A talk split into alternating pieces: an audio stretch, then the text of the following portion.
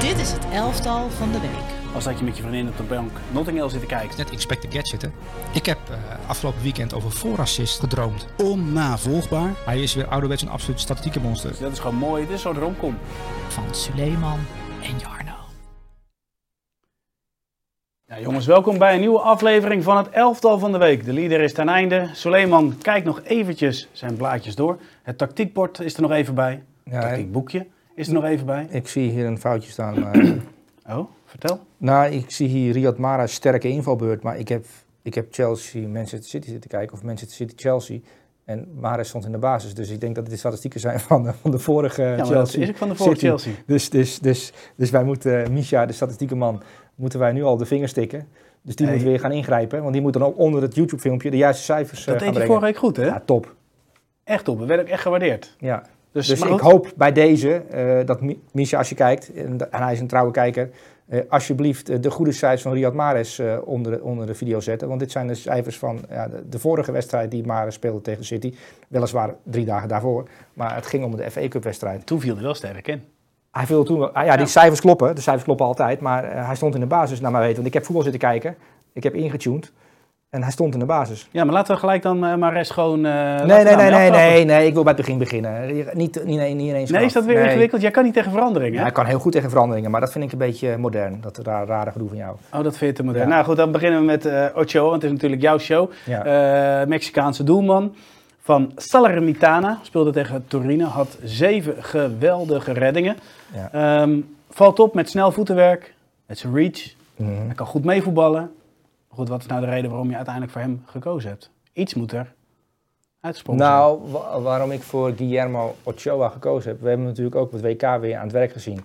Ehm, hij is 37 jaar, hij wordt dit jaar 38. Ja. Ehm, en ik vraag me om de vier jaar af of Guillermo Ochoa daadwerkelijk bestaat. Of het echt een keeper is. Hoe bedoel je dat? Nou, omdat hij daarna vier jaar verdwijnt en ineens staat hij op het WK weer grandioos te keeper. En we stond op het WK redelijk goed te keeper weer. Zeker. memorabele wedstrijd gespeeld. Ehm, en nu tekent hij dan daarbij Salerni- Salernitana, ik moet het goed zeggen. Zeker. Eh, en vorige week was hij al heel goed, pakte hij de meest onmogelijke ballen. En nu ook eh, tegen Torino. Het wordt 1-1, omdat hij een paar onmogelijke saves verricht. Ja. Ehm, en jij bent van de films, hè? En dus- op een gegeven moment moest ik denken aan Superman en, eh, en aan Batman en aan eh, Clark Kent en Bruce Wayne. Ja. Deze jongen moet een alter ego hebben. Dit is een superheld eh, op doel. En in het dagelijks leven is hij gewoon anoniem iemand. Hij, hij zou dus ook bij VI kunnen werken. Misschien is het Sjoerd Keizer wel. Oh, bedoel je dat? Dat hij gewoon ineens daar staat? Nou, het moet, hij moet zo'n Guillermo Ochoa pak hebben. Ja. Dan is hij opeens een keeper die met zijn benen de meest onmogelijke ballen pakt. En dan gaat het pak uit. Hij verlaat het stadion van Salernitana. En dan gaat hij op in het dagelijks leven. En dan, eh, misschien is hij wel gewoon een eh, professor aan een Maar wat is, universiteit. zijn, wat is zijn gave dan? Onmogelijke ballen pakken. Is dat de gave? Dat is zijn gave. Jij vindt van niet? Jawel, maar goed. De, Vind, je- de vind jij, gave. jij vindt het een onzin item worden? Nou ja, tikkie tikkie. Maar eh, ga nou verder, want hij is 38, gaat straks stoppen. Ik bedoel, hij wil uiteindelijk wel zijn rol Nou, als jij. blijven Want vertolken. ik heb me natuurlijk daarin verdiept. eh, hoe zijn contract in elkaar zit. En hij heeft nu getekend voor een half jaar bij Salernitana. Eh, en blijven zij erin, zit er een optie voor twee jaar nog in. Dus hij gaat voorlopig niet stoppen. Ehm, dus, dus we zijn van eh, deze superheld nog niet af, Guillermo Ochoa. Als je het over Maar het was echt goed, hè? Ah, mensen die, eh, die, die, die, die raad ik aan. En niet iedereen die, die luistert of kijkt, die, die, die heeft tijd om... eh, Hoe kom deze jij hierop eigenlijk? Want Salernitana Torino heb ik niet live gekeken. Ik denk dat velen met mij Nee, die ik ook ook niet live hebben ik bekeken. ook niet. Maar hoe, hoe, hoe kom je daar dan toch ineens Nou, op? Vorige ik- week viel die op, dat geef je terecht al aan. Is dat een heb ik- beetje een heb- trigger? Nou, het, de trigger is dat hij vorige week... eh, hij is naar Salernitana gegaan. Salernitana gegaan. Ja. Dat, dat, dat valt al op. Die transfer, die, die oké, in de gaten houden. Eh, dan keept hij zijn eerste wedstrijd. Dan ga ik bekijken hoe heeft hij het gedaan. Ja. Eh, dan ga je de lokale kranten lezen, de Italiaanse kranten erbij pakken. Blijkt hij eh, hoge cijfers te gekregen hebben. En dan ga je hem in de gaten houden. Hoe heeft hij het gedaan? Nou, opnieuw zeven waanzin- waanzinnige reddingen. Waarvan vijf echt heel goed. Ehm, en dan ga je die wedstrijd terugkijken. En dan inderdaad eh, valt, hij, valt hij op en, eh, en belandt hij in het elftal. Ehm, maar mensen, ik wilde eigenlijk een kijktip geven. Je hebt op YouTube, eh, nou dat zullen de meeste mensen wel weten. maar Serie A die heeft samenvattingen van de meeste wedstrijden. En dan kun je in drie, vier minuten zie je dan de hoogtepunten van, van in dit geval Salernitana Torino, waar Per Schuur centraal achterin staat. En dan zie je, dan zie je, zie je onder andere die 5, 6, 7 reddingen van Ochoa voorbij komen. En dan heb je, dan weet je, heb je wel een beeld. Dat is Ja. een perfect beeld. Niet meer dan drie minuten van deze wedstrijd. En dan heb je alles gezien van Ochoa. Ehm, dus bij deze een, een, een kijktip. Ja, dus absoluut. YouTube, Serie A kanaal. En die hebben alle samenvatting van al die wedstrijden. En dan ben je in drie minuten ben je, ben je klaar. Ja, ik vond vooral de reddingen met zijn voet vond ik heel opvallend. Eh, tot slot, voordat we naar het cijfer gaan. Eh, je hebt het over superhelden. Welke film, als het gaat om superhelden, is jou het meest bijgebleven? Wat, wie is jouw favoriete superheld? De Turtles. Was je Donatello? Ik Michelangelo? ik was, je, jij was Splinter, de wijze man. nee, nee, nee, ik was Nee? ook niet Splinter. Eh, maar ik, eh, als je kind bent, kijk je natuurlijk naar wat is een mooie naam. En ik vond Michelangelo een mooie naam. En, en ja, later besef je dat het gebaseerd is op, weet je wel. Ja. Ehm, ehm, dus dat is de blauwe, hè, Michelangelo. Volgens mij wel, want Ja, de blauwe, dus de blauwe turtle. Ehm, maar nu vind ik het wel. dat is dus de turtles bij deze. Oké, Ja. nou, top. Cijfer voor Ochoa? Een 9. Nee, gaan we door naar de volgende. Die hebben we vorig jaar volgens mij één keer besproken. Juan Voigt van Villarreal. Ehm, je hebt de wedstrijd Villarreal Real Madrid natuurlijk eh, bekeken. Ja. Eh, nou, de misser van Danjuma heb je al uitgebreid besproken in het rondje langs de buitenlandse velden. Voigt viel op aan de rechterkant. Ja. Andermaal, vorig jaar was dat ook al zo. Ehm, ben jij het met me eens als je het gaat om... Je, je, je hebt, je hebt hem, vorige week hadden we Lewis. Die speelde continu aan de binnenkant. Hele balvaardige jongen, heel belangrijk in het positiespel. Hij is juist een back die heel veel indribbelt. Die steeds een man meer creëert door zijn dribbles, niet door zijn passing. Nee. Is dat hetgeen wat hem onderscheidt van vele andere backs? Ja, Denk dat denk ik wel. Ja, als jij dat mij zo eh, voorschotelt. Je eh, kan het er ook niet mee eens zijn. Ja, nee, daar ben ik het. Ja, dat is een van de kwaliteiten. Het is gewoon een hele goede back. En hij is, eh, ik heb voor de gein is alle leeftijden opgeschreven. En dat, dat, dat vind ik dan leuk. Dus ik Ja. heb 37 jaar bij Ochoa en ik heb nu 24 jaar. Eh, en Barcelona wilde hem bijvoorbeeld eh, eh, afgelopen zomer ook eh, overnemen. En er zijn een aantal clubs geïnteresseerd in Juan Voigt. Eh, en als je naar hem kijkt, eh Vinicius Junior uitschakelen. Dat is voor een, voor een back al een behoorlijke opdracht. Zeker. Want dat is, dat is gewoon een volwassen opdracht. Als je Ja. dat doet, dan heb je een prima wedstrijd gespeeld. En de cijfers die, eh, die we hier hebben, ehm, vond, ik, vond ik wel leuk om te, om te lezen. Dat, eh, dat geen van de dribbles van Vinicius slaagde, omdat hij er bovenop zat. Ehm, maar ook 20 keer balverlies voor Vinicius. Omdat gewoon Voigt... Die heeft hem gewoon uit de wedstrijd gespeeld. Ja, maar dat is, dat is voor mij al voldoende voor, voor een, eh, als opdracht. Ja. Eh, maar hij is ook nog eens in balbezit, eh, wat jij zegt, capabel om inderdaad het middenveld in te dribbelen. spelers aan zich te binden, wat ook tegenwoordig Belangrijk. belangrijk is. Zodat je dan ergens anders ruimte kan creëren en het spel dan weer kan versnellen. Ehm, dus dit is, een, dit is een, een rechtsback die steeds beter aan het worden is. Want er waren natuurlijk vier jaar geleden, was die ook nog wel, waren twijfels. Ehm, maar hij is steeds beter aan het worden. Eh, en wereldkampioen, dat helpt ook. Je ziet aan de wereldkampioenen, her en der op alle velden, Ja. die, die, die eh, ja. En, dus, en Messi moet nog beginnen. Dat is de beste van alle, alle wereldkampioenen. Dus ik denk dat we het komende half jaar spektakel gaan krijgen van alle wereldkampioenen. En zeker van Messi, maar ook dus van Juan Voigt. Oké. Ik zou hem wel eh, willen zien spelen bij Barcelona. Kan Condé naar het Nou, centrum. ik, ik ben het vergeten, want ik, ik, we hebben het natuurlijk over Barcelona, Atletico Madrid gehad. En ik wil het eigenlijk hebben over de respectpositie. Want Dat dat, Condé. Ja, met Jules Koundé. Jules Koundé is ook bij de Franse nationale ploeg, eh, was hij tijdens het WK een soort reserve rechtsback. En met Pavard, en, en die, hij kwam er dan Ja, in. maar dat had meer met Pavard te maken. Die voldeed gewoon niet. Nee, nee, Pavard voldeed niet, maar wat schetst mijn verbazing? Bij Barcelona ook. Nou, maar wie wil Pavard hebben? Barcelona? Ja. Ja, je hebt Jules Koundé en die... eh, En, en, en, Ja, maar ik vind Condé niet, niet optimaal aan de rechterkant. maar Ik daar wil ik het over hebben. ja, maar daar staat Araujo nu. Ja, kan toch samen met hem spelen? Staat toevallig ook in je elftal. Oh, nou, daar kunnen we het daar meteen over hebben. Maar Araujo, die, die blonk uit. Eh, die, die moest Griezmann en ehm João Felix, die, die, die dan in de ruimtes komen. Er waren leuke duels, maar Ja. ook eh, wie neemt wie. En, en wat ik bij Araujo goed vind, is dat hij, hij is en snel en hij heeft eh, kopkracht en kracht. En Ja. fysiek is goed. Voetballend is hij redelijk goed. Ehm, maar ook continu die armen wijd, leiding geven, mensen op een plek zetten. Dus hij heeft een tota- totaalpakket bij Araujo, klopt, redelijk aardig. Ehm, maar ik begrijp niet zo goed waarom ze Jules Koundé gehaald hebben. Want die, die zet je nu aan de rechterkant neer. En hij heeft bij Sevilla ook wel eens aan de rechterkant gespeeld, hè, als het nodig was. Ehm, als eh Jesus eh, er niet was. Ehm, maar ik heb het idee dat Koundé aan de rechterkant ongelukkig is. En die moet je eigenlijk aan de rechter binnenkant neerzetten. En nu is het wel zo dat bij Barcelona eh Koundé dan eigenlijk een extra centrale verdediger wordt en dat dan een linksback opschuift. Weet je, dat zijn allemaal van die tactische dingen die, die, die kloppen allemaal wel. Klopt, want Dembele houdt de rechterkant. Dat zag je nu in het Ja. experiment eigenlijk. Want dat, Ja. dat is misschien wel goed om dat mee te nemen. Want ehm, dan wordt het inderdaad een centrale verdediger. Want je krijgt Balde, die stond heel hoog. Dembele Ja. bleef staan. Zij gingen eh, met z'n drieën gingen ze centraal spelen. En dan komt zijn kracht wel eh, naar voren. Maar er zijn ook momenten geweest waarbij hij dus echt aan de rechterkant stond. En ook die ruimtes moest verdedigen. Daar ligt zijn kracht toch niet? Nee, helemaal niet. Nee, en dat valt dan op.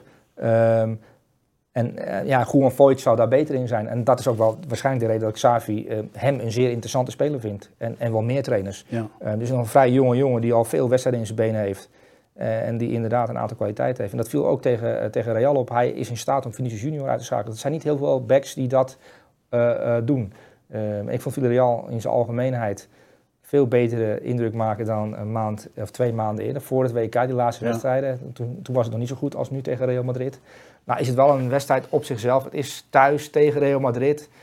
Ehm, dat is ook wel alsof een vijfde klasse in de FA Cup tegen eh, United speelt op Old Trafford. Ja, maar goed, dat, Dat is maakt Real Madrid gewend, toch? Ja, Dat ze elke week doen. ja, dat ja maar Villarreal natuurlijk eh, niet. Dus die, Nee. die, die spelen dan misschien wel hun, hun beste wedstrijd van het seizoen. Precies. Tegen, ja. Tegen Real Madrid. Dus dit moet ook tegen Celta de Vigo gebeuren.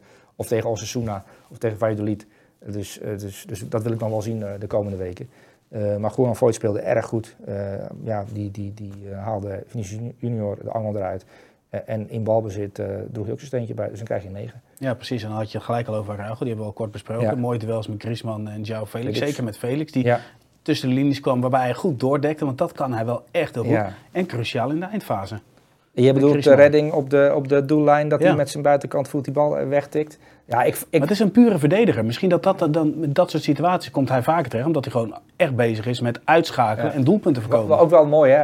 Eh, spitsen juichen als eh een doelpunt maken. Ja. De reactie daarna van Araujo, die, die toch een half minuut lang vierde eh, dat hij een doelpunt voorkomen had. Dat betekent wel dat hij echt in, in, zijn totaliteit, in, eh, echt, in zijn DNA echt een verdediger is. Ja. Ehm, en Uruguayaan, en dat, ja, het is ook wel een leiderstype. En dat is ook wel, eh, dat heeft Barcelona wel achterin nodig. Ehm, maar die verdediging zit nog niet helemaal logisch in elkaar. Ik vond, eh, je hebt nu met Christensen en Koundé aan de rechterkant. Nou, Alba geschorst en, en, en die, die jongen, jongen aan de linkerkant die, die regelmatig speelt nu, die, die vanuit de opleiding is gekomen. Goeie speler wel. Goede speler, ja, ook Ja. bij de nationale ploeg al gehaald, Ja. eh, van Spanje. Ehm, maar het functioneert nog niet helemaal. De, de, de, de verdediging, middenveld, aanval, dat is nog niet één Waar geheel. zit dat in dan? Want, want Ja. als je Araujo, dan moet je toch weer denken aan vroeger met Pujol. Dat is een beetje echt een pure verdediger. Niet, niet per se heel comfortabel om de bal. Tenminste, daar niet een uitblinker in. Zou dan niet een Koundé daar juist naast moeten staan? Want die is juist wel heel comfortabel aan de bal. Ja, dat, dat zou je, je, je- je- Ik vraag me af waarom hij gekocht is. Of het nu, dit nu is dat ze nog een rechtsback moeten halen en dat Koundé dan langzaam naar het centrum wordt gehaald. Of dat dit eh, het idee is van Xavi dat hij aan de rechterkant moet gaan spelen. Omdat ze dan inderdaad aan de linkerkant eh, een back hebben die hoger speelt. Zodat ze met drie man achterin komen te staan. Dat zou heel goed kunnen dat dat het idee is van Xavi. Alleen dat Ja. het nog allemaal de- de uitvoering daarvan beter moet. Ehm, ehm, maar, maar nu is er toch een deel van zijn activiteit aan de rechterkant. denk je, goh, daar is hij niet zo goed in. Dus Daar zou je betere spelers voor, voor kunnen, kunnen bedenken dan, eh, dan, dan Koundé. Eh, maar ook bij de Franse ploeg eh, was hij degene die eigenlijk niet aanviel. Eh blijf maar achterin, dan eh v- Ja, hebt Theo veiligheid. Hernandez natuurlijk aan die Theo andere kant. Hernandez eh, Ja. mocht gaan en hij was degene die eigenlijk eh, als een soort extra centrumverdediger speelde en meer naar eh, de, de binnenkant eh, trok. Eh, en, Ja. Waarbij je nu nog zou kunnen zeggen van, nu zou je de keuze nog kunnen begrijpen, omdat ze inderdaad met Balde heel hoog gingen staan. Dembele aan de andere kant bleef ook staan met het experiment. De spits die eruit ging en middenvelders die erin eh, Wel mooi eh, dat kwamen. Maar dat is straks Barcelona anders. speelt een keer anders en het wordt dan Een een experiment. Terwijl ze speelden gewoon tegen Atletico. En het is toch volstrekt normaal als Lewandowski geblesseerd is, dat je dan een andere speler moet opstellen. En als het een middenvelder is, dan wordt het bij Barcelona een, een experiment. Het is, het is gewoon een opstelling. Nee, dat Het is niet gewoon een opstelling. Jawel. Want je- als je voor Het Memphis is geen kiest en het, experiment. het Het, is is gewoon een manier om een wedstrijd te winnen. Het, het, het wordt een experiment gemaakt en het wordt dan in de, de Catalaanse krant Sport waarschijnlijk een experiment genoemd.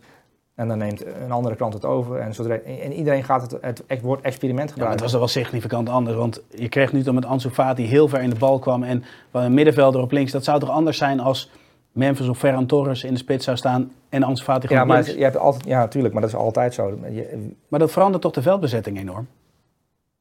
Ja, Dus dan zou je het toch wel kunnen zien als, nou ja, experiment misschien zwaar, maar wel iets nieuws. Maar je moet toch deze wedstrijd gewoon winnen. Het experiment hoef je niet te winnen. Een experiment dat is iets van we gaan in een laboratorium kijken of deze muis die we inspuiten met een bepaald goedje, of die wel of niet doodgaat. Dat is een experiment. Maar Xavi is toch geen trainer van Barcelona geworden om te experimenteren tegen Atletico. Nou, hij moet winnen van Atletico. Dat kan op een bepaalde manier. Ja. Dat ga je toch geen experiment noemen? Daar word ik gewoon boos van.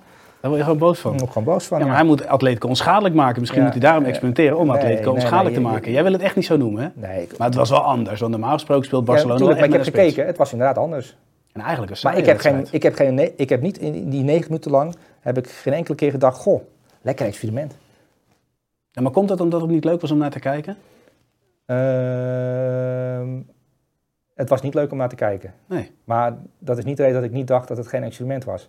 Ehm, het is namelijk toch... Barcelona is nog geen eh, City.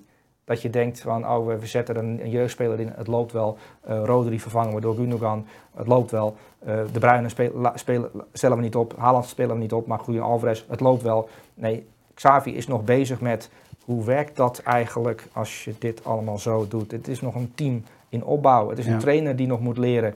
Ehm, en ja, in- dan kun je het misschien een experiment noemen. De wedstrijd tegen Atletico. Eh, maar het was vooral een manier om uh, Cassie erin. Kun je een experiment noemen. Het is gewoon een manier om Atletico tegen te houden. We staan 1-0 voor. We moeten dit eh, vasthouden.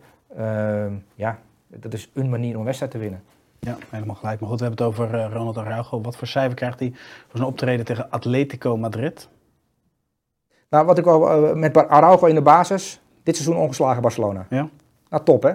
Gewoon een leiderstype. Belangrijk. Eh 9. Een 9, oké. Uitstekend, Soelie. We gaan door naar de volgende. En ehm dan komen ineens Jan-Paul van Hekken komen we tegen. We kennen hem van vroeger, maar ja, dat hij, dat hij eh, nog actief voetballer was, dat was eventjes eh, onduidelijk. Nou, dat is hij dus wel bij Brighton. Brighton wat natuurlijk een, eh, een goed seizoen doormaakt. Hij verving Lewis Dunk. Heeft natuurlijk eerder in het elftal van de week gestaan. Een uitstekende centrale verdediger. Sterker nog, wij vinden nog steeds, en kunnen het nog niet helemaal begrijpen, dat hij niet mee was naar het WK in Qatar. Toch? Ja, dat is een experiment. Geweest Een experiment om hem niet mee te nemen. ja. ja, zo kun je alles een experiment noemen natuurlijk. Ja, ja dat is ook zo. Ja. Ja. Maar goed, als je het over experimenten hebt, hoe zou je het experiment vinden als die Jan-Paul van Hekken nou eens gewoon bij Feyenoord zou spelen? Huurbasis, een half jaar. eh, eh, Zo, dan is het hoe- opgelost. Hoe is, dit weer, hoe is, dit, hoe is Jan-Paul van Hekken en Feyenoord, hoe is dat de wereld ingeholpen? Is dat, eh, want dat, Volgens mij hoorde jij het van Van Hooijdonk en eh, bij de pro-video met Martijn ging het over, volgens mij daar werd de naam Gouwenleeuw weer genoemd. Oké. Maar goed, bij Feyenoord is Trauner op dit moment weg. Eh, Slot is een trainer die graag aanvallend voetbal speelt, in ieder geval met spelers achterin die comfortabel zijn en goed zijn in positiespel. Nou, als hij iets kan, is goed zijn in de opbouw. Nou, eh, Middlesbrough, Brighton 1-5 FA Cup. Eh, Brighton stelt dan spelers op die niet altijd spelen, althans op sommige Precies. plekken. Nou, eh, Jean-Paul van Hekken stond inderdaad op de plek van eh, Lewis Dunk. Ehm, Brighton is een interessant elftal, omdat die echt aanvallend voetbal spelen, omdat Ja. die bal laten rondgaan. Positiespel is belangrijk en Roberto de Zerbi is daarvan de aanstichter als trainer, opvolger van Graham Potter. Nou, heb je het hele beeld geschetst. Ja. En nu komt ineens Jean- Jean-Paul van Hekken, rug nummer 29, een lange blonde bonenstaak van 1,89 meter. Verleden bij NAC en Heerenveen. Verleden bij NAC inderdaad, daar eh, komt hij vandaan. Ehm, daarom kent Pierre van hem denk ik ook goed. Ehm, maar die stond op de plek van Lewis Dunk als centrale pion. Hij, dat is eigenlijk, alles begon bij Jean-Paul van Hekken. Eh, Dat zie je ook wel terug in de statistieken. ja, en dat, zie en dat is dan wel mooi. eh, want statistieke mensen die kijken dan naar statistieken en die schrikken soms van data. Omdat Ja. ze dan getallen zien staan die, die opvallen. En meer dan 100 balcontacten is opvallend. Zeker. Ehm, dat gebeurt eh, bij spelers die dominant zijn en die belangrijke functie hebben. Nou, Jean-Paul van Hekken, wat een wedstrijd. Dat, is de, dat betekent dat er iets gebeurd is wat bijzonder is. Ehm, 114 balcontacten voor Jean-Paul van Hekken bij een Premier League club. Dat is, dat is veel. 7 uitverdedigende acties, is ook veel. Won 75% van zijn duels en verstuurde 102 passes wat- met een nauwkeurig, nauwkeurigheid van 37%. En dan zou je denken, eh, Jean-Paul van Hekken heeft van die eh, 102 passes en 90 naar zijn eh, linkerkant of rechterkant verstuurd. Dat is dus niet zo, want de trainer van Brighton, de Zerbi, die eist dat als jij degene bent die daar op de plek van Louis Dunk staat, dat jij de aanval begint. En dat moet verticaal natuurlijk, het moet naar voren toe. Ehm, en dat deed hij wel, wel goed. Hij is continu was hij aan het kijken van hey, wie kan ik aanspelen om het te zorgen dat we met ons gezicht naar de goal kunnen en kunnen aanvallen. Zodat bijvoorbeeld Mitoma kan gelanceerd worden of een andere speler gelanceerd kan worden. Absoluut. Ik zag hem ook een aantal lange passes geven. Onze tegenstander die probeert dan eh, druk te zetten en dan geef je een lange bal. Ehm, en eh, Wat de statistiek alleen maar knapper maakt, want hij, heeft ook, hij neemt ook risico in zijn spel. moet wel één ding bijvermeld worden bij deze statistiek. En dat Middlesbrough eh, op een lager niveau speelt. En die was wel, eh, ook speelde, speelde thuis, Middlesbrough, maar die waren wel bezig met... We houden het veld zo klein mogelijk en we laten Breiten rijden. En we willen in de omschakeling wat veroorzaken. Dus Jean-Paul van Hekken moest ook nog secuur zijn. Want elke fout wordt in de omschakeling, word je dan, Ja. word je dan, ja, dan, dan heb je een probleem. Ehm, maar ook die ke- paar keer dat hij moest ingrijpen, ehm, er stond een spits bij hem in de buurt. Die heeft eigenlijk geen kans gehad. Want hij kwam er elke keer ook goed voor. Want ik vond hem ook, en wat Louis Dunk natuurlijk ook moet van zijn trainen, dat je op een gegeven moment, soms moet je even voor je man komen. En, en eh, Ja. ja, ik kan nu à la Van Gaal zeggen, proactief verdedigen, noem, noem ik dat. Hè, proactief verdedigen, ja, maar dat deed hij ook goed. Zeker weten, ja. Dus eh, een opvallend optreden van, eh, van deze pas 22-jarige Nederlander, Jean-Paul van Hekken.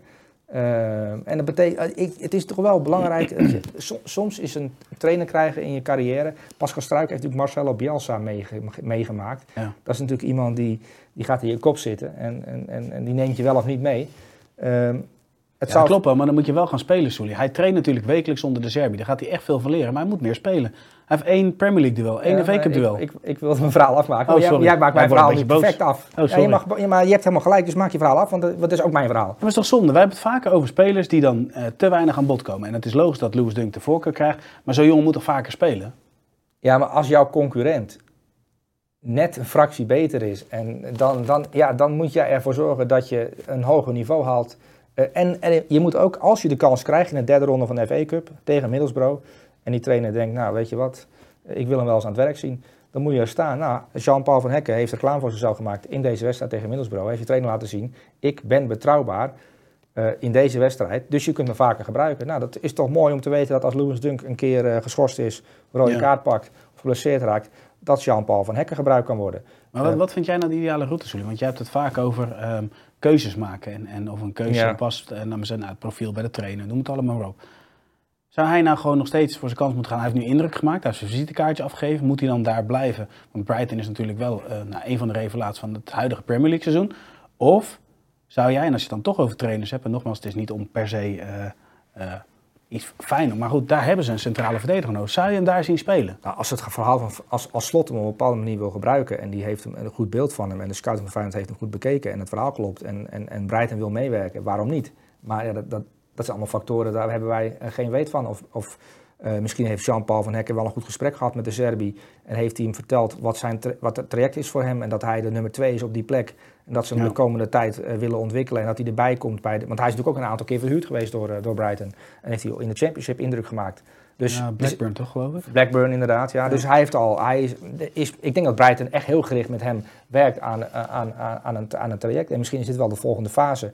En hebben wij nu in de derde ronde FA Cup eh, een, een kleine preview gekregen van wat Jean-Paul van Hek allemaal geleerd heeft de afgelopen twee jaar. Want het is nog, nog een hele jonge gast.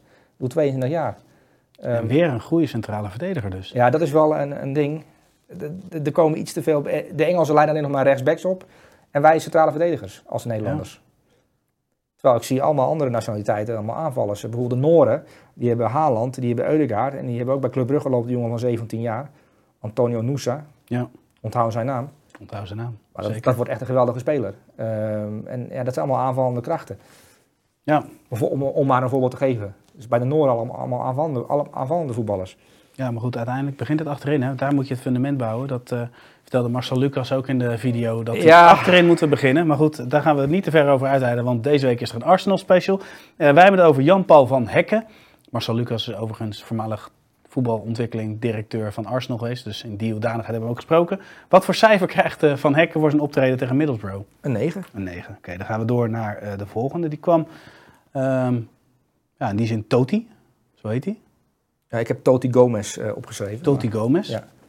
Ehm, Speelde eh, tegen Liverpool, Wolverhampton, ja, links centraal achterin. mooie duels met eh Nunez, Nunez, maar ook in sommige gevallen Salah inderdaad. Ja, want je Salah, die, ja, ze waren bij Liverpool probeerden ze dat allemaal uit elkaar te spelen. Alleen Ja. Totti had het allemaal op een rijtje. Oh, dat zeker op een rijtje. Ja. Ja. Maar hij is linksbenig. Hij is 23 jaar en ja, sinds vorig jaar zit hij wel bij de selectie bij Wolverhampton. Eh, uit Portugal vandaan gehaald. Jeugd international ook. Eh, En ja, ik vond hem inderdaad niet duels met Darwin Nunez, want dat is wel een beest. Ja. Die, is, die is intens, die is, die is onderweg. En dan moet je, zal ik wel of niet meegaan? Of neemt een ander het over? Oh, Salah komt, eh, mijn linkerhoek Salah komt naar binnen. Oké, Eh, ik vond hem positioneel goed. Ik vond hem, nou, hij is fysiek echt, een, echt, echt heel sterk. Ja. Echt wel een powerhouse. Eh, maar dat zag je ook bij zijn afgekeurde goal. Waar natuurlijk heel veel over eh, gezegd is of het wel of niet eh, terecht is afgekeurd. Dat vind jij? Ja, dat vind ik niet belangrijk eerlijk gezegd. Dat vind ik totaal niet. Zo? Nou, het is gebeurd. Het is, het is afgehandeld. Ze spelen nog een keer tegen elkaar. Jij hebt de fluit in je mond. Fluit je of fluit je niet? Ik vind een goal. Maar dat is toch totaal niet relevant. Ik vind het interessanter om deze Toti Gomez te bespreken van wat kan hij allemaal. Eh, ja, ik vind het eigenlijk totaal... Ik, ik vind het soms zonde van de zendtijd dat dan eh, analyse compleet opgaat aan of het wel of geen goal was. Ja, Gewoon ja of nee, jij fluit. Oké, dus we gaan door. Toti, hè, want die duels met ja, maar hij is, ja, hij is afgekeurd. Dus hij telde niet. Nee. En, en die, je verandert in de studio niks meer aan. Je kunt er schande van spreken. Eh, maar dan moet je een, scheidsrechter gaan Maar er analyseren. zijn mensen die wel gehecht zijn aan de mening van Suleiman Usturk. Ja? Dus Dus, is ook mijn rol om gewoon te vragen van hoe Suleiman Usturk hierover denkt. oké. Dus, maar goed, Toti, hè, de, bij het doelpunt van Nunez, daar heeft hij ehm, ja, geen invloed op, want hij kwam niet in zijn zone. Wat ik leuk vind eh, aan het feit dat je hem toch selecteert, hij was wat ongelukkig bij de goal van Salah. Ja. Maar dat is misschien wel het enige mindere moment in de wedstrijd geweest. Ik wist dat je erover Wel. ging beginnen. Ja, maar ja, goed, het is, het is heel makkelijk om op het ene moment, want, maar hoe moeilijk is het om bijvoorbeeld ene moment Nunez en vervolgens Salah in je zone tegen te komen? Dan heb je een heftige middag. Ja. En dat deed hij gewoon fantastisch. Ja. Dus ik ben juist blij dat je los van dat ene moment dat je hem toch selecteert. Ja, want eh, kijk, hij heeft, niet, hij heeft de, hij had de meeste balcontacten bij, aan de zijde van Wolverhampton, 63, maar ook de meeste gewone kopduels, de meeste gewone duels. En ehm, ook 14 uitverregende acties. Dat betekent dat je er elke keer goed tussen komt. Dat je goed leest, oh, de aanval van eh, Liverpool, Salah die wil naar binnen, oké, bam, uitverdedigen. Ja. En dat is veel, 14. Ehm, dat betekent dat het totaalpakket eh, interessant is. Omdat hij A, A, linksbenig is, ehm, snelheid heeft, kracht heeft eh, en in staat is om, om, om met eh Nunez en met Salah in de buurt de juiste keuzes te maken. Want Salah loert op het feit dat hij uitstapt en dat hij naar achter in zijn rug kan komen. Maar daar, is, daar moet je ook mee bezig zijn eh, tegen Liverpool. Ehm, ik vond Wolverhampton sowieso, die hebben natuurlijk een nieuwe trainer nu. Eh Lopetegui, hè, eh, Mhm, de trainer van. Sevilla geweest. Ja, En eh kortstondig ook bondscoach van Spanje, speelt dan ook goed voetbal en, en in balbezit. En Wolverhampton was natuurlijk zo'n elftal dat speelde met wingbacks 3-5-2, eh, teruggetrokken, gegroepeerd en omschakelen. Ze zijn nu meer in balbezit gaan voetballen. En ook bijvoorbeeld Adama Traoré, die, die nu, nu echt weer een vleugelspeler in plaats van een omschakelkanon. En Ruben Neves, oh, die is ook helemaal opgeleefd. en Ruben Neves mag nu weer pasen. En dat is waar Ruben Neves goed in is. En er viel ook een speler in. Eh, en dat is echt een interessante speler. Matthäus Nunes. Ja. Als ik het goed heb, als ik het goed uitspreek. En die ook eh, Liverpool graag wil hebben. Eh, middenvelder. Ah, dat is ook echt een geweldige middenvelder. Doet mij een beetje aan Bruno G denken. Dat is een speler om in de gaten te houden als hij een keer bij, bij Wolverhampton een superwedstrijd speelt, negen minuten lang. Dan gaan we het daarover hebben. En dan weet ik zeker dat jij ook onder indruk gaat zijn van zijn kwaliteiten. Want die had ook weer eh, een paar goede minuten. Maar Wolverhampton is wel echt een ploeg die is, dat is nu veel leuker om naar te kijken dan een half jaar geleden. En dat is toch wel een invloed van de hand van een trainer. Eh, ik, vind, ik vond ze echt indruk maken tegen Liverpool. Ik weet niet hoe, Ja, jij ja, helemaal eens. eh, helemaal eens. Daarom zeg ik van, eh, ik, ik, in de, het rondje langs de buitenlandse velden, ja, was Martijs, eh, die zegt van ja, weer om die wedstrijd spelen en dat kun je toch niet maken. Maar goed, we zien weer een mooie wedstrijd straks. Dat is het Eh, voordeel. Ja, zo kun je het ook zien. Ja. Alleen, ehm, ja, ja, dat klopt. Dus, maar goed, eh, we hebben het over Toti. Wat voor cijfer krijgt hij voor zijn optreden tegen Liverpool? Een 9. Een 9. Top. Gaan we naar de volgende. Dat is El Canoes van Genk. Ehm, mooie dribbelaar. Goede actie. Goed eh, overzicht in de eindfase. Maar ik ben eigenlijk veel meer getriggerd door iets wat jij voorafgaand zei. En dat, dat was ehm, ehm, de manier waarop hij speelt. Weet je, hij, is, hij is heel erg een spelmaker die, die zoekt naar de ruimtes. En ja, echt het spel naar zich toe trekt. Een beetje de ouderwets spelmaker een beetje. Heb ik dat gezegd tegen je? Ja. Ik kan me niet herinneren. Ah, Oké, Nee? ja, dat is dan een goede tekst dan. Eh, Ja. was vanochtend. Ja, zeker. Ja. Er is straks nog iets wat jij gezegd hebt. Oh. De laatste speler. Ja. Nou, wat ik bij, hij, hij, hij speelde op het WK natuurlijk eh, bij de Marokkanen eh, en niet in de basis. omdat eh, daar Unai onder andere uh, een. Amrabat en dat stond goed. Ja. Ehm, maar hij mocht wel meedoen in de wedstrijd tegen Kroatië. Ja. Ehm, hij is 18 jaar pas. Ehm, en die wedstrijd tegen Kroatië, ehm, vond ik hem ook al opvallend. Dat je denkt, ah, hij kan echt goed. Het is echt een jongen die echt goed kan voetballen. Dat, is- dat merk je aan. eh, Genk is nu eh, in België de, de ploeg die, eh, zoals ze in België zeggen, het mooie weer maakt. De, de, club die in de is om kampioen te worden. En de, de, rest moet ze achterhalen. Ze winnen nu met 3-1 van Club Brugge. Nou, Bilal El Kanous is een tijdje weg geweest, WK geweest. Opgeroepen natuurlijk, eh, verrassend gezien, ach- met zijn 18 jaar. Eh, maar hij is ook al bij, bij Genk een belangrijke speler. Ehm, met, met Brian Heijnen nummer 8, maar hij nummer 34. En wat ik bij hem, eh, waar hij me een beetje, ja, wat jij net eigenlijk ook op bedoelde, maar hij heeft so- iets, iets, iets wat mij rustig maakt. In het als, je naar, als je naar voetballers kijkt, sommige spelers maak je dan, als je zit te kijken, oké, die, die krijgt nu de bal, oké, rustig aan. Ja. Je kunt even naar de koelkast lopen, ze het gewoon toch geen balverlies. Eh, dat heb je met deze Bilal El Kanous ook. Eh, en hij duikt ook soms op plekken op dat je denkt, goh, grappig dat hij daar aan de linkerkant eventjes, eh, want hij weet, Ja, daar ligt ruimte. Bijvoorbeeld. Ja, dus, hij, dus hij, hij duikt aan de linkerkant op. Oh, hij haalt de bal even aan de rechterkant op. Ja. Ehm, hij weet ruimtes te vinden tussen de linies. Ehm, en zijn balbehandeling is zeer zuiver en zijn passing eh, is zuiver. Ehm, en ik vind het ook wel leuk om dit, eh, de- deze statistiek vind ik echt geweldig. Van alle spelers tot en met 18 jaar in de 10 grootste competities van Europa. Dus dan heb je, Ja. de- de- daar hoort dan België ook bij en de Eredivisie ook. Stuurde El dit seizoen de meeste passes en creëerde hij samen met Gavi van, eh, van Barcelona de meeste, meeste kansen. Dat zegt eigenlijk al iets over wat voor soort speler hij is. Ja. Ehm, het is een jongen die, eh, ehm, ja, die bij Genk op zijn achttiende al heel ver is. Ehm, en dat was natuurlijk ook, dat gold ook voor Kevin de Bruyne natuurlijk op zeer jonge leeftijd. Zeker, En, ja. Qua talent moet je daar wel een beetje aan denken. Zo'n speler is hij. Zit het dan vooral in de slimmigheid? Voetbal zien. Oké, ehm, wedstrijden kunnen lezen. Op je achttiende het spel naar je toe trekken. Dat, is, dat, heeft, dat, dat heeft te maken met, dit is gewoon pure kwaliteit. Dat je goed kunt voetballen. Ja. Maar ook eh, het spel zien eh, en ook het vertrouwen hebben. En eh, ja, dat zijn allerlei dingen waar ik opgeteld. Dat je denkt op je achttiende ben je al heel ver. Het verbaast me bijvoorbeeld ook niet dat Ajax eh, zo'n jongen eh, zeer intensief volgt. En denkt, ja, dat is lekker op het middenveld, zo'n speler.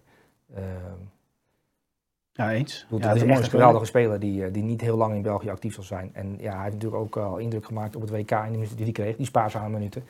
Ehm, dus ik denk dat we deze El Canoes nog wel op een hoog niveau gaan zien. Maar eerst kampioen worden met Genk, dat zal prachtig zijn. Het zou zeker mooi zijn. Ja. Nou, daar, als je dan kijkt, hè, we, pakken je hele elftal. Er zit straks nog een speler die actief is in, in België. Ehm, de competitie wordt daar wel wat interessanter. Er zitten best wel wat leuke ploegen bij. Er zitten best wel wat leuke spelers zitten daarbij. Ehm, Is Ja. het altijd al zo geweest, of niet, eh België? ja, maar ik vind het eh, qua creativiteit vind ik het de laatste jaren wat meer. Jij niet? Ehm, ja, zo, zo, zo kijk je het dan niet naar. Maar ja, ik bedoel, in, in België hebben ze, hebben ze natuurlijk ook creatieve spelers. Eh, maar de Eredivisie eh, staat bekend om zijn creatieve spelers, omdat de Belgen eh, de reputatie toch hadden dat het daar wat geslotener was. Dat het meer op verdedigend eh, vlak eh, ge- eh, georganiseerd was. Die Belg, die, dat ze wat meer teruggetrokken voetbalden. Ja. Eh, maar je ziet toch wel nu, eh, ook in België, een hele golf interessante talenten doorbreken. Zeker. Eh, waarvan niet elk eh, interessante Bel Belgisch talent, want Bilal El is natuurlijk ja, in België opgegroeid. Maar heeft voor Marokko eh, gekozen omdat hij een WK-kans kreeg. Ja, als je vlak voor het WK te horen krijgt, je mag mee, mag mee met een WK, of in september. Mhm. Ehm, ja, dan kies je, dan kies je voor Marokko. Ehm, maar zeer interessante speler, ja. ja, absoluut. Ehm, voordat we naar de volgende Maar wat, gaan. wat jij nu zegt, oké, ik, dat, dat moet onderzocht worden. Ik weet niet, dat kan ik niet Gaan we, zeggen. gaan we eens even gaan we induiken. Maar laten we, voordat we naar de volgende gaan, ook uh, overigens een speler die actief is in België. Wat voor cijfer krijgt El Canoes? Een 8,5. 8,5. Dan gaan we nu naar de volgende. Arthur eh, Vermeeren van uh, Antwerp. Uh, wonnen met 2-0 van Gent. Uh, een speler die wel overeenkomsten heeft, volgens jou, met Xavi. Maar ik zag wat beelden voorbij komen. Hij doet me ook een beetje denken aan de jonge Kevin de Bruyne. Ja? Ja, dribbelen met de bal, goede passing, strakke passing. Ja, ik, ik, ik heb in, uh, in België stond een paar weken geleden een stuk dat, uh, dat ze daar toch het vermoeden hebben dat hij zo uit de ba ba Barcelona-opleiding gewandeld lijkt. Want jij noemde hem de Xavi van België. Ja, en ze noemen hem in België de Iniesta. Dus, uh, en, okay. en, en, en, dat, ja, het is maar net hoe, waar je naar kijkt. Um, maar we, we, moeten ook zijn naam even noemen. Hij is 17 jaar, speelt bij Antwerpen. Daar is Mark Wommel trainer. Arthur Vermeeren. En die heeft een 17-jarige jongen nu uh, de sleutels van zijn elftal in handen gegeven.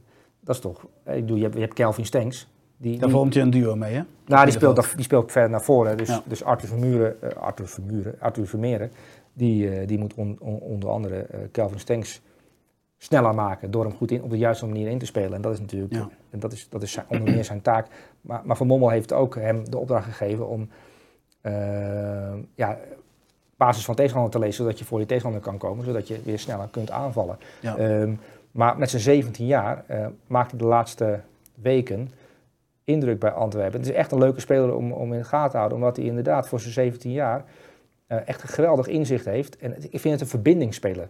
Ehm, iemand die, eh, ehm, die altijd in controle is. En als hij geen paasoptie ziet, dan kan hij om zijn, as draaien. Wat, wat, wat echt goede, fijne spelmakers hebben. Die, die zoeken dan naar opties. Je ziet echt het, menu, het minuutje bijna rondgaan in het hoofd. Oké, hier niet. Oké, even, even draaien. En dat, dat, dat gemak van het draaien ook.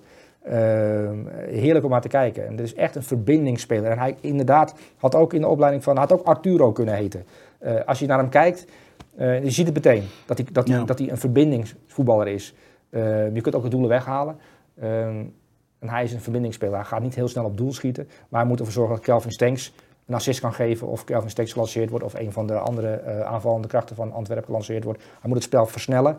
en hij moet ervoor zorgen op zijn plek dat de tegenstander niet gevaarlijk kan worden door de situatie goed te lezen. En dat kan hij echt heel goed. Wat zegt Van Bommel eigenlijk over hem? Want hij werkt natuurlijk onder Nou, hij stelt hem op.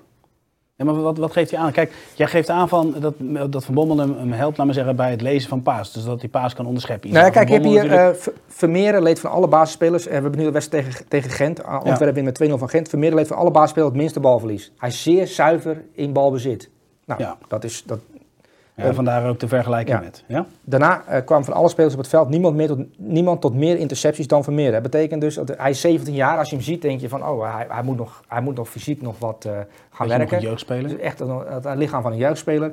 Eh, maar hij- niemand komt tot meer intercepties. betekent dat hij ook eh, qua hersens vooruit kan denken, bal- ballen kan afpakken door het spel te zien. Mhm. Eh, en geen Antwerp-speler voerde meer tackles uit. Dus Van Bommel die vraagt eigenlijk, je kunt, moet ook iets meer Van Bommel worden. Dat, Ja, maar dat is ook waar, waar ik naartoe wil. Dus het lezen van het spel, dus intercepties, eh, ballen veroveren. Van Bommel heeft natuurlijk zelf bij Barcelona samengespeeld met Iniesta en Xavi. Ja. Op zich is dat best wel een mooie combinatie zo. Ik denk dat zo'n speler, Arthur Vermeeren, eh, Van Bommel ziet natuurlijk ook, ah, die, kan, die jongen kan voetballen. Ah, je stelt geen jongens op eh, van 17 als je weet dat ze kunnen verzuipen, want dat is zielig. En dat, dat is niet goed voor een ontwikkeling van een carrière.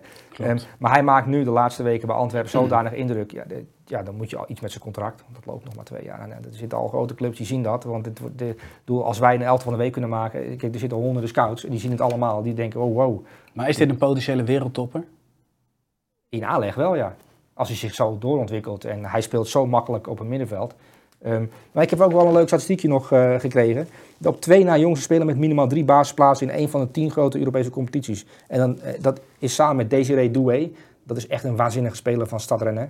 Mhm. Het wordt echt een geweldige speler.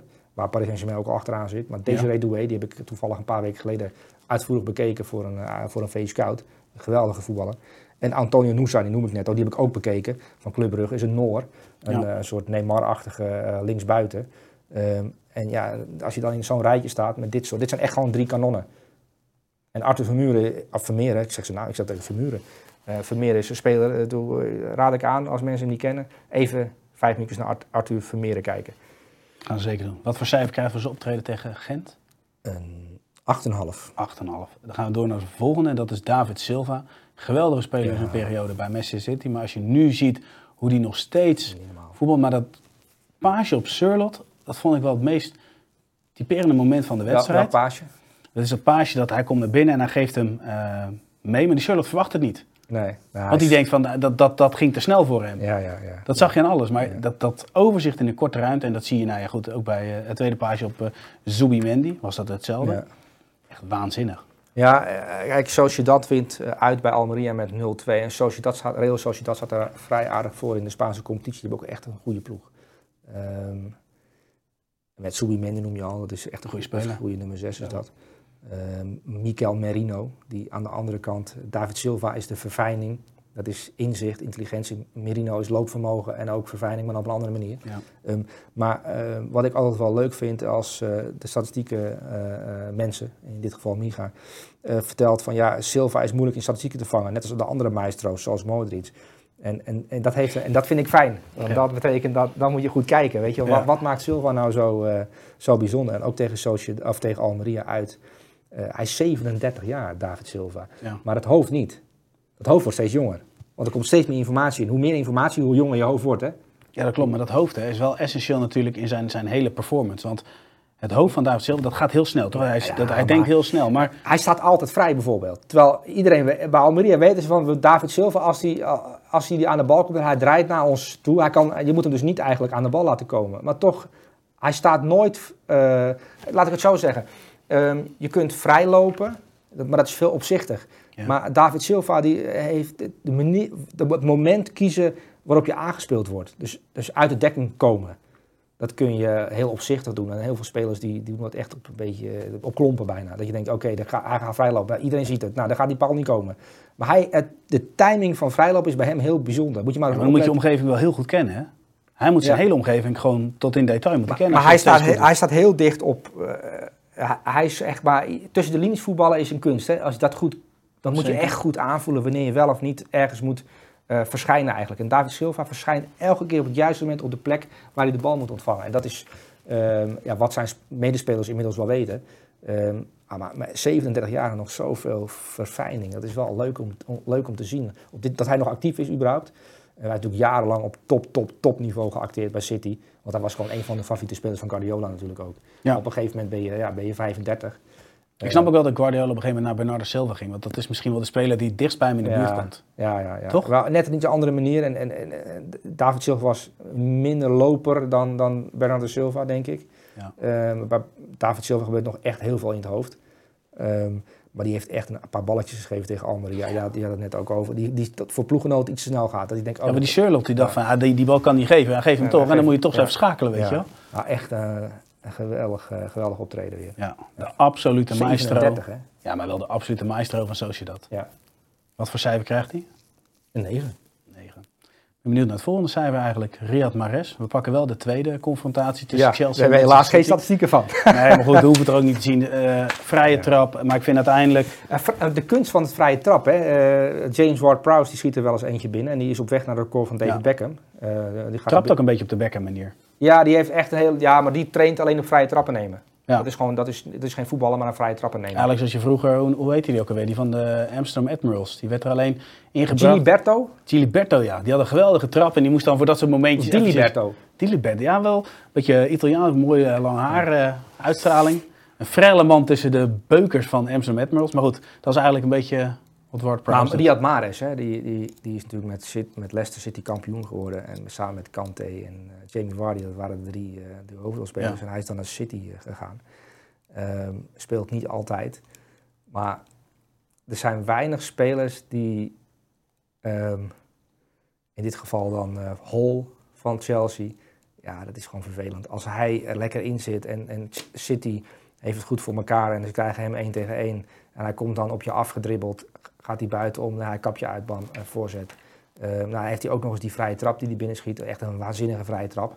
Ehm, eh, ja, er zijn van die wedstrijden dat Riyad Mahrez onhoudbaar is. Hij ziet hem ook ballen aannemen. Die komen dan eh, met 40, 50 meter aanzeilen. Die neemt hij dan met zijn buitenkant aan. Je denkt, jeetje, dat is asociaal. Dat is gewoon dat, dat je dan... En dan Ja. ja, dat, is, dat, is wel, het is echt wel ongelooflijk wat hij eh, soms laat zien, Riyad Mahrez. En hij had weer zo'n wedstrijd tegen Chelsea. Dat hij, ja, dat hij, dat hij, dat hij niet te houden was. Nee, dat klopt. En moet ik ook zeggen, dat bij die laatste dan zie ik wel dat alles samenkomt. Hè? Want ze zijn Ja, gefocust op Mares. Maar ondertussen gebeurt er van alles om hem heen. En ja, ontstaat eigenlijk de mooiste goal van de avond. ja, je bedoelt de zaalvoetbalgoal, de, Ja, fantastisch. Maar dat heeft ook te maken met de focus op Mares. Ja, ja, eh, ja eh, City eh, had met een B-team een opmerkelijk hoog niveau. Ehm, en, en het is ook nog eens, valt ook nog samen met de ineenstorting van Chelsea. Ja. Dus dat, dat is dan voor City fijn. Maar eh, dat valt dan ook extra op in zo'n topwedstrijd dat ze, dat ze Chelsea niet, niet uitschakelen, maar kleineren. Ehm, en dat dan, eh, ja, Rico Lewis viel erin. En eh, dat was ook weer apart. Hè. En ik, ja, het, Guardiola, over, we hebben het natuurlijk over hem gehad vorige week, maar die heeft over Ja. hem gezegd dat het een kleine Philip Laam is. Dat hoor je Guardiola niet snel zeggen dat- over een speler. Want volgens mij is Philip Laam de meest intelligente speler, of die intelligentste speler waarmee Guardiola ooit heeft gewerkt, heeft hij gezegd. Is dat zo? Niet Kimmich? Nee, dat is Philip Laam. Oké. Ehm, en als je dan Rico Lewis van 18 jaar, die er net bij komt, Als je dat compliment al uitdeelt, dan, heb je wel echt, dan vind je hem wel echt heel goed. Dan ben je wel echt fan als, als trainer. Ja. En dat heeft Guardiola toch wel altijd. Hè? Dat, hij, dat hij, als hij een jeugdspeler goed vindt, dat, is, dan, dat is met Kimmich natuurlijk ook gebeurd. Die stond toch centraal, centraal in de verdediging bij Bayern München. Ehm, en, en, en deze jongen weer. Maar Riyad Mahrez ook, ja, dat is eh, een lust voor het oog. En het liefst zou je hem eigenlijk een soort van eh, een dribbelwedstrijd eh, of een kap- en draaiwedstrijd. eh, ga, ga jij maar lekker eh, op je eigen stukje veld lekker kappen en draaien, want dat willen we graag zien. Omdat je bij City natuurlijk ook in de machine voetbalt. Ja. Het veld moet breed houden en eh, weet je wel. En, eh, blijf daar maar even staan, wacht op het juiste moment. Want dat is allemaal, allemaal vastgelegd eigenlijk van tevoren. Wanneer je wel niet aan de bal mag komen. Ehm, en dat moet je wel als wennen, aan wennen als, als natuurlijke, intuïtieve dribbelaar. Eh, maar hij, hij, hem is dat gelukt. Dat vind ik ook knap. Ja, maar dat is er ook knap, want eigenlijk word je, ehm, je, hebt, je hebt soms ook trainers die geven zoveel opdrachten, waardoor je misschien een beetje creatief impotent wordt of zo. Ja. Misschien een verkeerd eh, woord daarvoor, maar je begrijpt wel er een speelt beetje... iets in jouw leven kennelijk, want anders bereik ik het woord niet. Eh, nee, nee dat, valt, dat valt nog mee. Ik ben nog jong, dus eh, nee, vooralsnog niet. Maar je begrijpt een beetje wat ik bedoel, toch? Je kunt soms ook de creativiteit uit iemand trekken, maar dat, dat gebeurt niet bij City. Nee. Nou, op sommige spelers, Leroy Sané bijvoorbeeld, die speelde aan de, andere kant. En daar had je toch, dat was minder geslaagd natuurlijk tussen, tussen Leroy Sané. Die werd wel impotent. Ehm, Ja. om, om jouw eh, taalgebruik te, te, te, Maar goed, die heeft weer medicijnen van Nagelsman gehad en eh, nu is die Ja, weer... eh, maar die is wel weer opgeleefd bij, Ja. eh, bij Bayern München, omdat hij dan wel, weer dingen mag doen. En die mag wel de spelmaker zijn eh, bij Bayern München. Ja. Ehm, maar ik vind het wel altijd wel knap ehm, van dit soort types. Riyad Mahrez, dat is echt een, een intuïtieve, die heeft bij wijze van spreken op blote voeten leren voetballen, weet je wel. Eh, is intuïtief. Ja. Ehm, geef mij de bal maar, dan eh, pleintjes voetballen. Ehm, en, dan, en dan moet je met allerlei regels eh, rekening houden. En dat je dan toch nog heel dicht bij jezelf kunt blijven. En ondertussen ook een deel uitmaakt van, een, van de machinerie van, van City. Mag ik daar een hele korte vraag op stellen, zonder dat je antwoord geeft? Dus dat je later... Zou hij ook een exponent kunnen zijn van de jeugdopleiding van KV Mechelen? Ja. Daar komen we straks op terug. Want dit is interessant. Eerste cijfer voor Riyad Mahrez. Tien. 10. Uitstekend. Dan gaan we naar de één na laatste speler en dat is Marcus Rashford. Eh, op dit moment de spits van Manchester United. De spits die steeds ook aan de linkerkant te vinden is. Van buiten naar binnen gaat en voor gevaar zorgt. Dus dat deed hij ook allemaal tegen Everton. Was trefzeker vanaf 11 meter. Mooie assist. Hij is weer helemaal opgeleefd. En is dat te danken aan, eh, of is dat vooral te danken aan Erik ten Hag? Aan wie anders eigenlijk? Nou ja, soms eh, doen spelers het vanuit zichzelf. Dat ze gewoon zichzelf hervonden hebben of wat dan ook. Maar Nee, want hij wilde weg. Er was een vertrekwens vanuit Marcus Rashford. Dus hij moest overtuigd worden door de nieuwe man. En de nieuwe Ja. man is Erik ten Hag. En die heeft hem eh, duidelijk gemaakt, nee, we gaan zo en zo werken. Ik heb jou daarbij nodig. Eh, dit, is wat, dit, is, dit, is ons, eh, dit is ons plan, dit is onze filosofie. Ik vind jou een goede speler, dit zijn jouw kwaliteiten. Ehm, en dat komt er nu wel echt uit. Want hij is nu een van de belangrijkste spelers van United. Zo niet de belangrijkste, als je, als je gaat kijken. ja, Uh, maar maakt, hij maakt nu bijna elke wedstrijd het verschil. Ehm, en ja, wat je bij City ziet, dat spelers functioneren en beter worden, dat zie je ook bij United. Je ziet spelers, je ziet de rechtsback, Dallo en Wan-Bissaka, allebei beter worden, omdat ze weten wat er moet gebeuren. Shaw. Ehm Luke Shaw, de linksback en zelfs nu linker centrale verdediger. Je ziet een aantal spelers, je kunt ze zo aanwijzen, beter worden. Ja. Ehm, niet elke speler is meegegaan. Hè, bijvoorbeeld, ja, je Scott McTominay bijvoorbeeld, nou, die is geblesseerd geweest. En, ehm, ja, ik weet niet of Scott McTominay ooit het niveau van Casemiro kan, eh, kan bereiken. Nee, ik kan me niet voorstellen. Maar er zijn een aantal spelers die eigenlijk afgeschreven waren. Nou, Marcus Rashford is daar één van, maar Luke Shaw was niet afgeschreven. Die vond eigenlijk daarvoor ook al goed spelen. Ehm, maar je ziet nu dingen van Shaw die je eerder niet zag. nee, zeker Dus, niet. dus hij, hij wordt nog flexibeler in, in, in, wat hij kan. En eh, zelfs Wan-Bissaka. ehm, nou ja, eh, als je, als je mij of jou of Bas of wie dan ook, Pieter, had gevraagd naar Wan-Bissaka een tijdje geleden, dan had je gezegd, ja, die, die, moet, die moeten ze verkopen, want die kan totaal niet voetballen in, in wat Ten Hag wil. Nee. En zelfs die heeft een, een, een, een, sprong, een sprong gemaakt en, is mee, en die begrijpt wat er, eh, wat er gevraagd wordt van een back bij United. Dat betekent dus dat ze nu eh, hoe er gespeeld wordt, dat het veel duidelijker is eh, voor de spelers. En, en als zelfs Wan-Bissaka mee kan gaan, dat betekent dat, eh, dat de nacht het echt goed voor elkaar heeft. En daar, vaak kun je daaraan zien, aan de groei van spelers op bepaalde plekken. Aan, Ja. aan Wan-Bissaka, aan Marcus Rashford. Maar ook bijvoorbeeld Martial. Er gaat er niet zoveel over Martial nu, dat is nu de spits. Eh, maar druk zetten, ruimtes eh, voor Rashford openen, combinaties aangaan, dat doet hij natuurlijk ook eh, oké nu. En Ja. er moet- een doorbraakwedstrijd komen, dat hij een keer drie maakt, dat het ook echt spits is. Ehm er breken jeugdspelers door. Garnacho, links en rechterkant kan hij spelen. Anthony is nog zoekende naar eh, hoe functioneer ik in dit elftal eh, met, Ja. met al mijn individuele kwaliteiten. Maar even je een doelpuntje meegepikt. doelpuntje meegepikt. Ja, dus je ziet wel echt dat het elftal als geheel groeit, dat spelers individueel beter worden. Dus het elftal wordt ook beter. Eh, dat betekent dat ze zelfvertrouwen krijgen. Nou, een hele winnende reeks nu, eh, een aantal wedstrijden ongeslagen. Eh nou, Marcus Rashford die nu voor de vijfde wedstrijd op rij twee assists heeft. Dat is wel veel. Eh, in de afgelopen Zeker. tien jaar lukt het verder alleen Lukaku en Van Persie om in minimaal vijf op één volgende wedstrijd te scoren voor United. Zij deed allebei een zes op, op één volgende wedstrijden. Dus voor Rashford ligt er een schone taak. City, komend weekend. Dit wordt wel weer een leuke wedstrijd. United speelt nu tegen Arsenal. Eh, eerst tegen City en daarna tegen Arsenal. En dan weet je hoe ver het na een half jaar is gesteld met, eh, met, dit, met dit United. Wat denk jij? Dat ze kans maken om een top 4 te, klassering eh, eh, te halen. En dat vind ik eigenlijk al veel meer dan ik persoonlijk een half jaar geleden had verwacht. Want dat, dat- toen hebben we geloof ik een video opgenomen. En toen was ik nogal negatief. Top 6 wordt nogal lastig. Maar nu, nu, als je nu kunt kijken naar problemen bij Chelsea.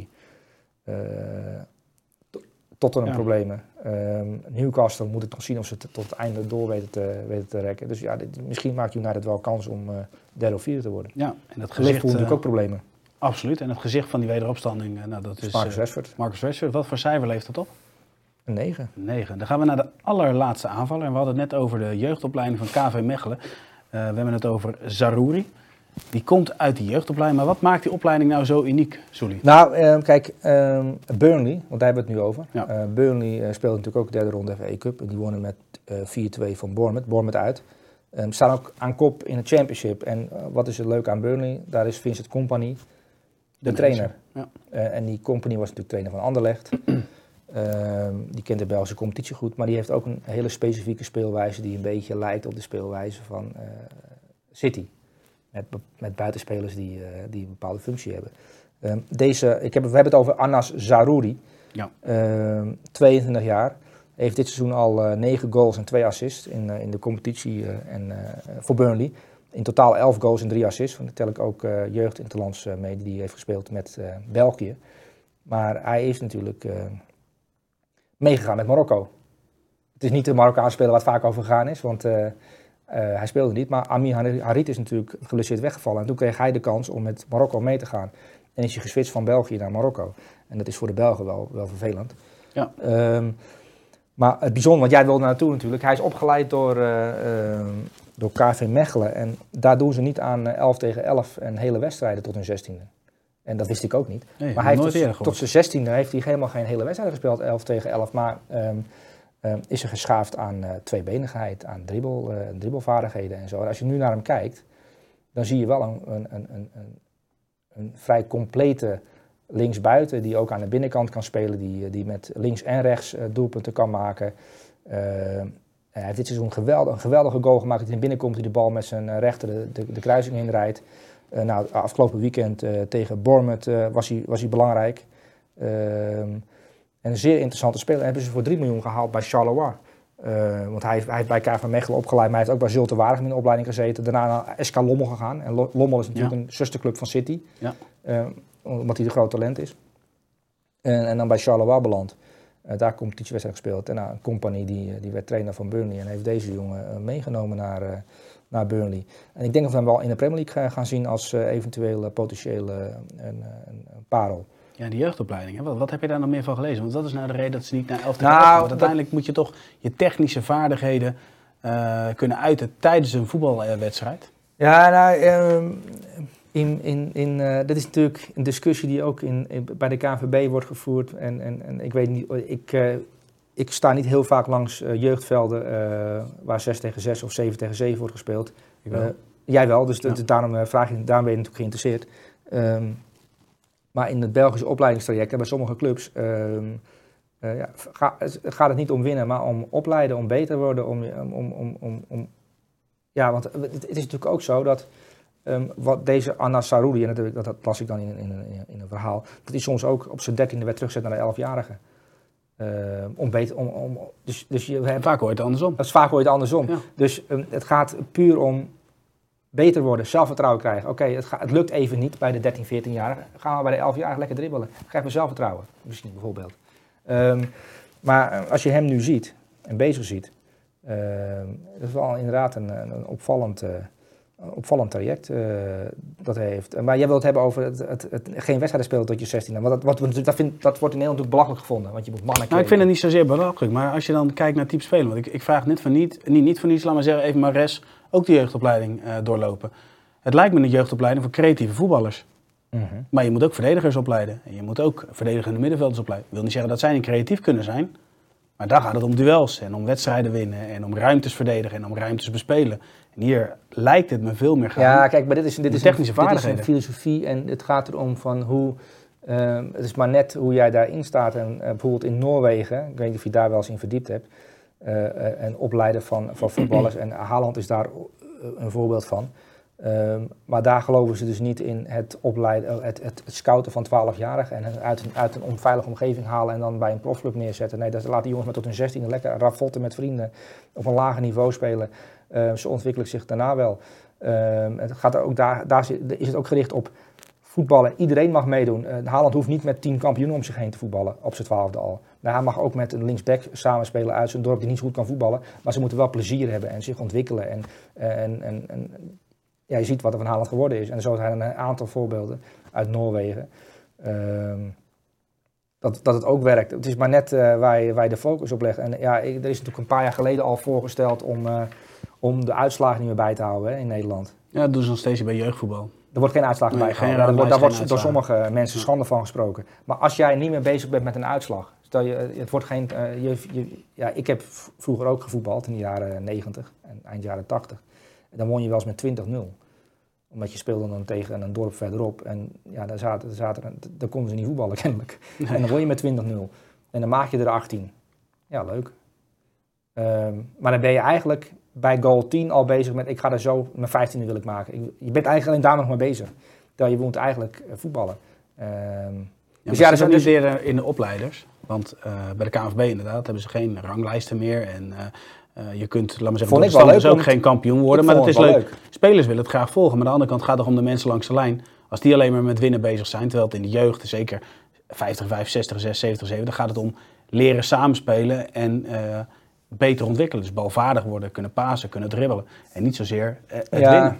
maar het gaat... Ik Kijk, zit nog in begeleiding gewoon. Ik, ik sta ook wel, nou, en ik, nu, ik, ik sta wel, natuurlijk wel eens langs de, langs de kant bij voetbalwedstrijden. En wat, ik, sta ja, met een, gewoon, zo, eh, gewoon incognito, laat ik maar zo zeggen. Ik ga gewoon een we- wedstrijd kijken, van mijn neef bijvoorbeeld. Maar jij moet sowieso incognito, toch? Nou, soms. Maar dan, dan sta ik te kijken en dan hoor ik een trainer tegen 11-jarigen dingen roepen. Dat ik echt, daar schrik ik echt van. Denk, oké, ja, je, zit- je zit nu tegen iemand die heel goed kan dribbelen te zeggen dat hij naar binnen moet komen om de looplijn dicht te lopen. Ben je, ben je 11 jaar. Ehm, en ik denk dat zo- zo'n opleider of trainer niet beseft wat voor stress dat met zich meebrengt in het hoofd van een 11-jarige. Je bent, jij bent 11 geweest, ik ben 11 geweest. Ik had er niet aan moeten denken dat ik op 11-jarige leeftijd dat geneuzel. Het is geen geneuzel, maar tegen een 11 een 11-jarige moet zich fijn en vertrouwd voelen en die moet lekker voetballen. En als je goed Ja, kan maar dan zit het dribbelen. dus weer in begeleiding. Want je moet dat inderdaad niet zeggen. Je moet hem juist stimuleren. En bij jeugd gaat het om herhaling. Ja, maar als je, het gaat er, sommige clubs gaat het er ook om dat je, je, dan speel je op landelijk niveau bijvoorbeeld. En dan wil je winnen. En, en eh, als jij inderdaad dat doet, dan is het voor een tegenstander moeilijker om het middenveld door te komen. Het is, het is allemaal wel eh, uit te leggen en begrijpelijk. Ehm, Maar ze goed maar ik denk dat daarom dus dat bij, bij zo'n bij zo'n KV Mechelen ze denken van nee, het gaat erom dat zo'n jongen tweebenig wordt. Dat hij dat die, dat die nog beter wordt in dribbelen. Want dat is eh, wat, wat in sommige landen, wereldwijd heb ik het nu over, eh, het, het straatvoetbal verdwijnt langzaam van het toneel. En het straatvoetbal is de, lang de basis geweest van het kweken van voetballers. Hè, omdat ze op straat voetbal hebben. Ja. Ehm, en dat zie je bijvoorbeeld ook bij eh, het Marokko dat de halve finale haalt. Dat heel veel van die jongens echt nog op straat gevoetbald hebben in, eh, in, in de wijken waar ze vandaan komen. En, en dat de basis is daar gelegd. Dat het, eh, bijvoorbeeld hebben we net over Bilal El Kanous gehad. Eh, zijn techniek en zijn basisvermogen. Maar het vertrouwen ook in kleine ruimtes de oplossingen te vinden en te zien. Dat soort voetballers. Ja, hoe kweek je die? Niet door tactiek vanaf tienjarige leeftijd toe te passen. Nee, tuurlijk niet. Nee. En, en- want, en, en toch is het, Genk wordt kampioen omdat Bilal El Kanous goed kan voetballen. En dus je hebt goede voetballers nodig. En ook ehm centraal achterin. Ehm, we- we- het is toch wel handig als je goed kan voetballen. Eens. En sterk bent. En, en, en ja.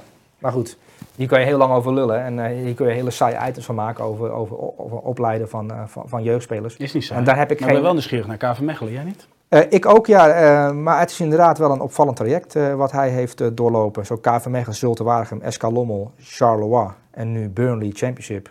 En daar is hij een opvallende speler aan de linkerbuitenkant. Ja. Hij en- speelt pas sinds kort 11 tegen 11. En speelt pas sinds kort tegen 11 tegen 11. En dat kan dus kennelijk gewoon. En dat vind ik een, mooi einde van een nog mooier elftal, Sully. Mag ik Ja, jou... eh, Mooi elftal, hè? Ja, heel mooi elftal. Ook weer wat nieuwe namen, wat verrassingen.